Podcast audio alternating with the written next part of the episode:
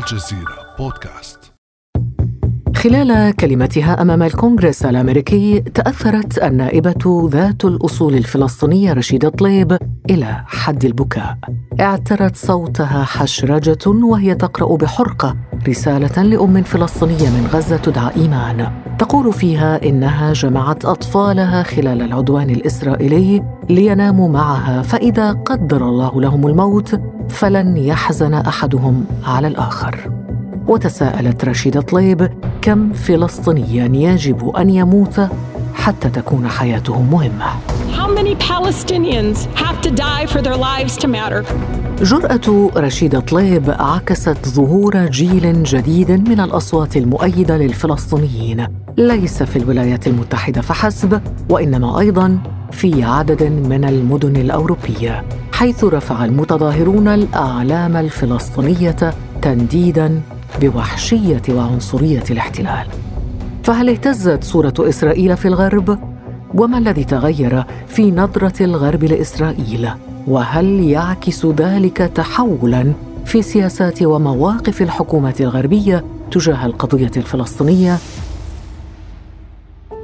بعد أمس من الجزيرة بودكاست أنا خديجة بن جنة.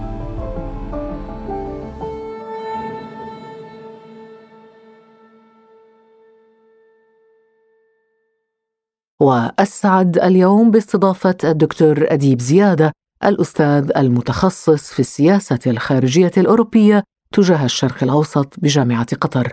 أهلا وسهلا بك دكتور. أهلا بك أخت خديجة محبك دكتور أديب زيادة قبل الخوض في تداعيات حرب غزة على صورة إسرائيل في الغرب لنوضح بداية كيف ينظر الغرب منذ عقود لإسرائيل. حقيقة يمكن النظر إلى هذه المسألة في انعطافتين تاريخيتين حصلتا مع هذا الكيان. الانعطافة الأولى حصلت سنة 1948 عندما كان ينظر الغرب إلى إسرائيل باعتبارها أنها الكيان الذي استقل من براثن سبع جيوش عربية. سبع جيوش عربية دخلت إلى فلسطين محاولة أن تقضي على الشعب اليهودي بين قوسين الموجود على هذه البقعة من الأرض. وهذا هذه المجموعة من الناس استقلت وخرجت من بين هذه الأنياب العربية يعني مزهوة بدولة دولة وبكيان. وحظيت جراء ذلك على تعاطف حقيقة من المستوى الرسمي والشعبي. واستمر هذا الحكي منذ العام 1940 حتى عام 1967 ثم ما الذي حدث عام 1967 دكتور؟ في العام 1967 إسرائيل كما نعلم أنها قامت بعملية غزو لثلاث دول عربية باعتبار مصر والأردن وسوريا وقامت بضم الجولان وسيناء وقطاع غزة والضفة الغربية وأصبحت في رأي المجتمع الغربي والمجتمع الدولي عموما أنها قوة احتلال. لم يحتمل المجتمع الغربي منها أن تقوم بعملية توسع في غير الإطار الذي وضع لها. يعني وضع لها في عام 1947 كما نعلم في قرار التقسيم أقل مما أخذته عام 48 عندما استقلت. فعندما راى الغرب أنها دولة الآن تتجاهل وجود أي جنس عربي أو أي فلسطينيين على هذه الأرض أو حتى غير فلسطينيين لأنه سيناء والجولان أصبح ينظر الغرب بميزان إنه هاي دولة احتلال ولا ينبغي لها أن تستمر في توسعها هذا. وهنا بدأت الانعطاف حقيقة انعطافه الرأي العام الغربي. بدأنا نجد إنه رسميا على المستوى الرسمي الأوروبي بدأت تتقلص التعاطف مع إسرائيل. ثم على المستوى الشعبي أخذ الناس ينظرون إليها بأنها أصبحت معتدية على أراضي الغير يعني هو الغرب اعترف لها بال 48 على اعتبار أنها دولة إسرائيل واستقلت والآن ما الداعي أن تتوسعوا أكثر وتاخذوا أراضي عربية؟ وإذا نظرنا إلى 2 4 2 3 3 8 اللي هي أجت مباشرة بعد عام 67 هي قرارات حظيت بالإجماع في داخل مجلس الأمن وليست الجمعيه العمومية. وبالتالي أصبحنا أمام الآن منطق آخر في التعاطي مع هذه الدولة. من هنا نجد إنه إسرائيل بدأت تختلف ميزانها في الغرب بدأ يختلف. دكتور نحن اذا أمام محطات مختلفة محطات تاريخية مختلفة. 1948 ثم 1967 ثم الآن. الآن هل ما زالت النظرة نفسها أم اهتزت صورة إسرائيل في الغرب؟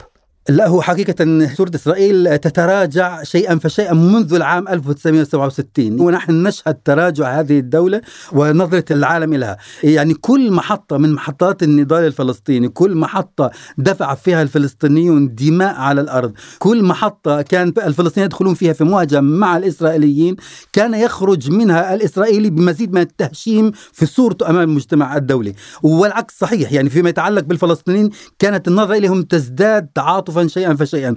فحن نتحدث حقيقة عن مسألة تدرجية مسألة إساءة الوجه الصهيوني التي بدأت عام 67 نجدها الآن توجت في العام 2021 حقيقة ما وجدناه حاليا هو تتويج لما حصل عبر مراحل مختلفة. وأنا أجهز نفسي لهذه المقابلة. يعني عثرت على مجموعة من الاستطلاعات الرأي التي عملت سنة 2007 وليس 2021 2007 تتحدث يعني إحدى الاستطلاعات الرأي قامت بها المفوضية الأوروبية ذاتها المفوضية الأوروبية اللي هي إحدى أفرع مؤسسات الاتحاد الأوروبي. كان السؤال الموجه ل 15 دولة أوروبية من هي الدولة ترونها أكثر خطرا على المنطقة في المنطقة الشرق هي إيران سوريا العراق إسرائيل. فكان الأغلب الأصوات 60% أعطت أنه الخطر الأول على السلام والأمن في منطقة الشرق الأوسط هي إسرائيل. وإسرائيل طبعا يومها حصل اهتزاز داخلي في الإعلام والمثقفين والأكاديميين والسياسيين الإسرائيليين أنه هناك أنتي سيمتزم ولا سامية وأوروبا عمرها ما بتتخلى عن لا ساميتها.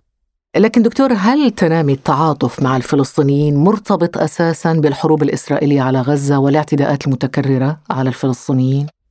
إلى حد ما التعاطف الذي رأيناه ربما مؤخرا مع القضية الفلسطينية هو ارتبط بشكل أساسي في ثلاث قضايا مهم الإشارة إليها حقيقة. أول قضية اللي هي صوت الضحية أنه العالم حقيقة لا يتعاطف لا يتعاطف ولا يحترم ضحية ساكتة. بمعنى ربما يبكي على ضحية ساكتة لكن أن يتحرك من أجل التعاطف مع ضحية ساكتة هذا ما بيحصلش فكلما كان هناك صراخ من قبل هذه الضحية بمعنى آخر هناك أكشنز على الأرض من قبل هذه الضحية هناك محاولة الدفاع بالمخالب من هذه الضحية تجاه المفترس لها. كل ما كان على الصوت هذا كل ما كان في تعاطف من المجتمع الدولي مع الحالة الفلسطينية أكثر. هذه واحدة. اثنين حقيقة ما رأيناه مؤخرا إذا كان لنا أن نسأل ونتحدث عن مؤخر لماذا رأينا مئات الآلاف بل الملايين تخرج إلى الشوارع في تعاطي مباشر مع القضية الفلسطينية. فالرقم الثاني هو الجيش. أنا بعتبره حقيقة هو جيش الجزيرة ومن لحقها من الإعلام العربي والمتعاطف متعاطف حقيقة وأنا أسميه جميل جيش. هذا المصطلح. نعم وأنا أسميه جيش, جيش حقيقة. الإعلامي. وأنا أسميه جيش حقيقة وأعني ما أقول لأنه لعبت الجزيرة حقيقة دورا كبيرا وهائلا في نقل ما يحصل على الأرض بحرفية وبدون انحيازات وبدون محاولات للتجميل أو التزويق للحالة الفلسطينية. هي وقفت على الأرض 24 ساعة كما رأينا في محاولة لنقل الصورة كما هي من كثير من المواقع حتى بما فيه الداخل الفلسطيني سنة 48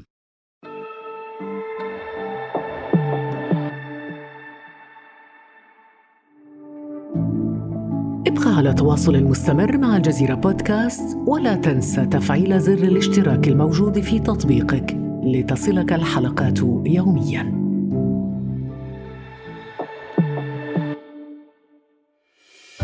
وهنا ربما دكتور نشير إلى التحول في نظرة الغرب لإسرائيل الذي يبدو بطيئا ونسبيا ولكن تداعياته المحتملة بدأت تثير قلق إسرائيل كان لافتا مثلا تأييد الحكومة الأيرلندية بعد وقف إطلاق النار على غزة اقتراحا برلمانيا يدين الضم الفعلي للأراضي الفلسطينية في خطوة أوروبية في الحقيقة غير مسبوقة وفق وزير الخارجية الأيرلندي سايمون كوفيني. Scale, pace, and strategic nature of Israel's actions. إن حجم ووتيرة ما تقوم به إسرائيل من توسع استيطاني وطبيعته الاستراتيجية والنية من وراء ذلك أوصل إلى نقطة نحتاج عندها إلى أن نكون صادقين بشأن ما يحدث بالفعل على الأرض. إنه ضم فعلي. نحن أول دولة في الاتحاد الأوروبي تفعل ذلك. برأيك دكتور زيادة إلى أي حد يمكن للمواجهة الأخيرة بين إسرائيل وفصائل المقاومة أن تدفع الحكومات الغربية إلى تغيير موقفها أو مراجعة انحيازها لإسرائيل؟ والله هذه المسألة مرتبطة حقيقة كما قلت بالعاملين الذي سبقت وتحدثت عنهما اللي هو العامل الأول متعلق في الضحية ومدى قدرتها على التفاعل مع قضيتها على الأرض. لأنه إحنا شهدنا 30 سنة من المفاوضات كل ما كانت تهدأ المواجهة المباشرة مع المحتل كل ما كان يهبط التعاطف العالمي ما في تعاطف عالمي مع ضحية ساكتة ما في. والمفاوضات هي مخدرات تعطى للناس على الأرض مشان يزدادوا نوما. ولذلك كل ما كان في أداء كل ما كان في تفاعل أكثر. ثم مسألة ال social media ال media ودورها المهول في مسألة التأثير على الرأي العام الغربي والرأي الرسمي الغربي على كل حال. لذلك أنا أعتقد ثلاث العوامل هاي بشكل أساسي في المؤدى النهائي بالقطع ستؤثر على الرأي العام الغربي. صحيح انه هناك ما زال البعد الرسمي في السياسة الغربية لا زال ملتصق بإسرائيل لاعتبارات تاريخية متعلقة في علاقة الغرب مع هذا الكيان وليش هو أسس هذا الكيان وعلاقته العضوية ذات البعد الحضاري مع هذا الكيان. لا زال الأجيال في المجتمعات الغربية لا زالت أكثر التصاقا بالإسرائيل لكن الأجيال الشابة في الغرب الأجيال الشابة الناهضه الأجيال المعتمدة الآن الأجيال التي تستطيع أن تقرأ ما يحصل على الأرض وترى وتشاهد ما يحصل على الأرض أصبحت أكثر التصاقا. إلى أن يتحول الرأي العام على الأرض إلى عوامل ضاغطة على الحكومات أنا أعتقد إنه في المؤدى النهائي سيؤثر على الحكومات قطعا ليست فقط الحكومة الإيرلندية. وهناك مؤشرات يعني إذا نظرنا إلى تصريح وزير الخارجية الفرنسي آه، جان ايف لودريون وهو يقول إنه سنذهب إلى نظام الأبارتهيد إذا لم يتم التوصل إلى حل الدولتين. هذا تحول أيضا في الموقف الفرنسي. بالقطع. هو هذه أحد المؤشرات لكن عندنا مؤشرات كثيرة. يعني صحيح إنه كما قلت في البعد السياسي لا زال الأوروبيون كمجموعة أن يتحولوا باتجاه القضية الفلسطينيه لا زال بعيد المنال كسياسيين لكن في مؤشرات نعم. لكن إحنا دعونا نلقي نظرة على واقع المثقفين واقع الأحزاب واقع الفنانين واقع الكتاب واقع الجامعات. الآن أصبحنا نشاهد موجة هائلة جدا. أصبحنا نشعر ونرى ونلمس تردداتها في أصقاع العالم ككل. الآن في الغرب أنت لك أن تتخيلي ما معنى أن تخرج في بريطانيا مسيرة فيها 200 ألف إنسان. 200 ألف. ما معنى أن تخرج في بريطانيا في نفس اللحظة في أكثر من 20 أو 25 مدينة مظاهرات بالآلاف المؤلفة؟ ما معنى أن تخرج في أمريكا؟ أو وقفة أمام البيت الأبيض والكونغرس الأمريكي بعشرات الآلاف. وقف الناس من كافة أنحاء أمريكا.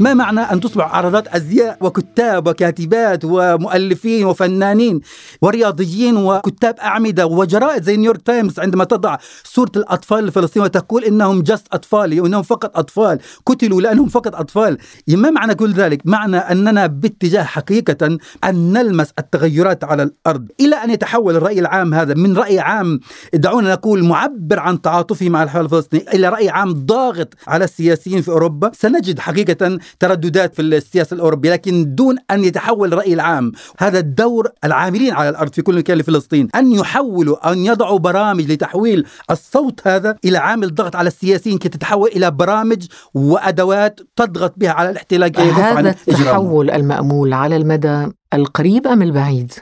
لا هو بالقطع. سياسيا سياسيا نكون مخادعين لأنفسنا إن قلنا أننا بصدد تغيير خلال أشهر أو حتى بضع سنوات سياسيا. نعم. لكن على الأرض أنا أرى بأنه إساءة وجه إسرائيل.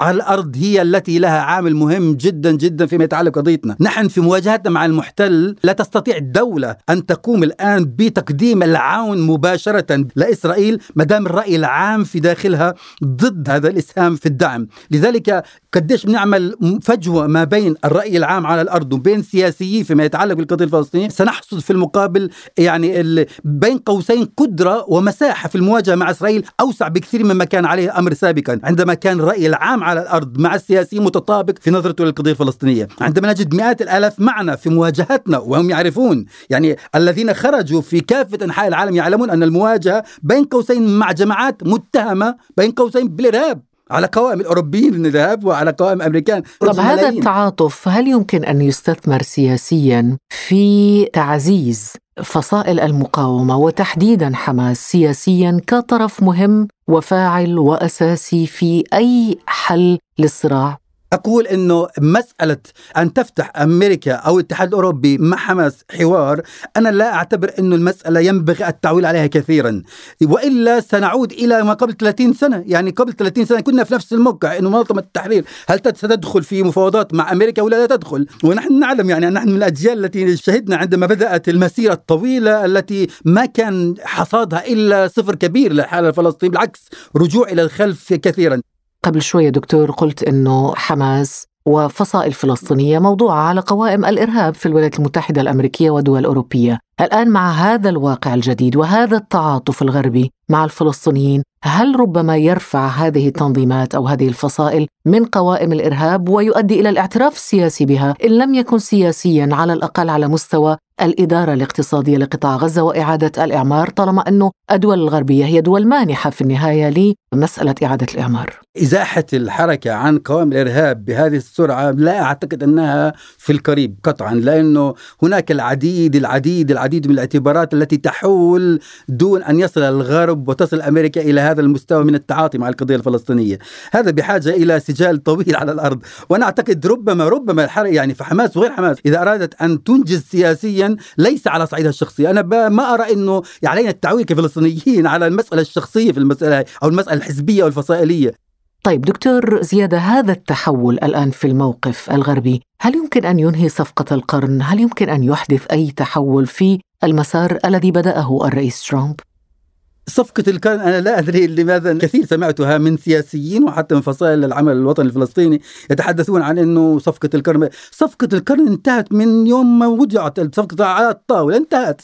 لأنه كان هناك موقف فلسطيني مجمع عليه أنه هذه الصفقة لا تتعاطى مع الحد الأدنى فلسطينيا ولا أعتقد أنه سواء كان في هذا الظرف أو كمان خمسين سنة لقدام أنا سيأتي سيأتي فلسطينيون ليوقعوا على صفقة صفقة حتى صفقة القرن لم تنتهي دكتور. طالما أنه هناك دول عربية ما زالت تلتحق بقطار التطبيع وهذا أحد ركائز آه، صفقة القرن. يعني أنا أعتقد إنه الدول العربية التي تطبع وطبعت بعد صفقة القرن لها مسيرة من التطبيع مع إسرائيل قبل صفقة القرن، بعض الدول العربية التي طبعت مع الاحتلال طبعت ليس لأنه هناك صفقة قرن أو ما فيش صفقة قرن، هي طبعت لاعتبارات استراتيجية في نظرتها للمنطقه ونظرتها للتحولات الجيوستراتيجية اللي عم بيحصل حواليها، ولذلك هي أرادت أن تتذنر بهذا اللي اسمه إسرائيل لربما يقوي مكانتها ووضعها في منطقة الشرق الأوسط. وانت تقر بأن صوره إسرائيل في الغرب تغيرت. أو على الأقل هي في طريقها نحو التغيير. لا بلا شك. يعني نحن نرى بأنه هناك تغيرات حقيقية على أرض الواقع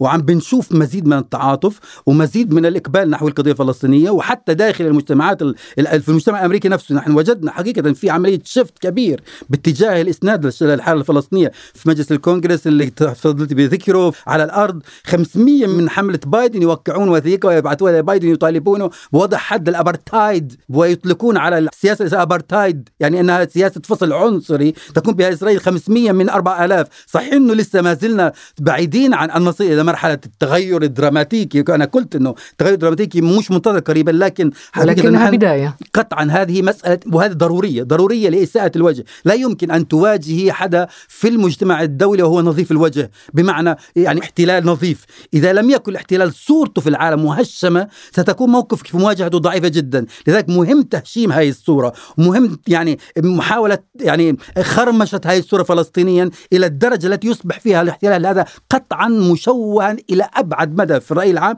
حتى فيما لو يعني قوي الضعيف هذا وواجه مواجهة مباشرة وأوجع هذا المحتل لا يتمكن هذا المدافعون عن هذا المحتل بالدفاع عنه أمام هذه الصورة المهشمة والسيئة في المجتمع طيب الدولي. ما المطلوب عربيا فلسطينيا أولا ثم عربيا ثم إسلاميا ليستمر هذا التحول في الموقف الغربي فلسطينيا ابتداء مطلوب من الضحية أن تبقى فاعل على الأرض. وكما قلت العالم لا يحترم الضحية. هو يحزن معها يتعاطف معها لكنه لا يحترم يحترم القوي. لذلك عندما رأينا الآن أنه غزة أصبحت يعني لا نقول قوية لدرجة أنه تصرع في ميزان قوة مع إسرائيل لكنها أوجعت الإسرائيليين وآلمت الإسرائيليين وآلمت دولة الاحتلال. أنا أعتقد هذا الإيلام هذا الإيلام بحد ذاته احترم أمام العالم الآن. الآن أصبح العالم يعلم أنه هاي الدولة المسمى إسرائيل ليست بهذه القوة وأنا سمعتها سمعتها من أناس ليسوا لهم علاقة لا بحماس ولا يحبون ربما حماس وإنما أصبحوا يقولون بأنه الآن فعلا أيقنا لو سئلنا هذا السؤال قبل عشر سنوات أنه هذه الدولة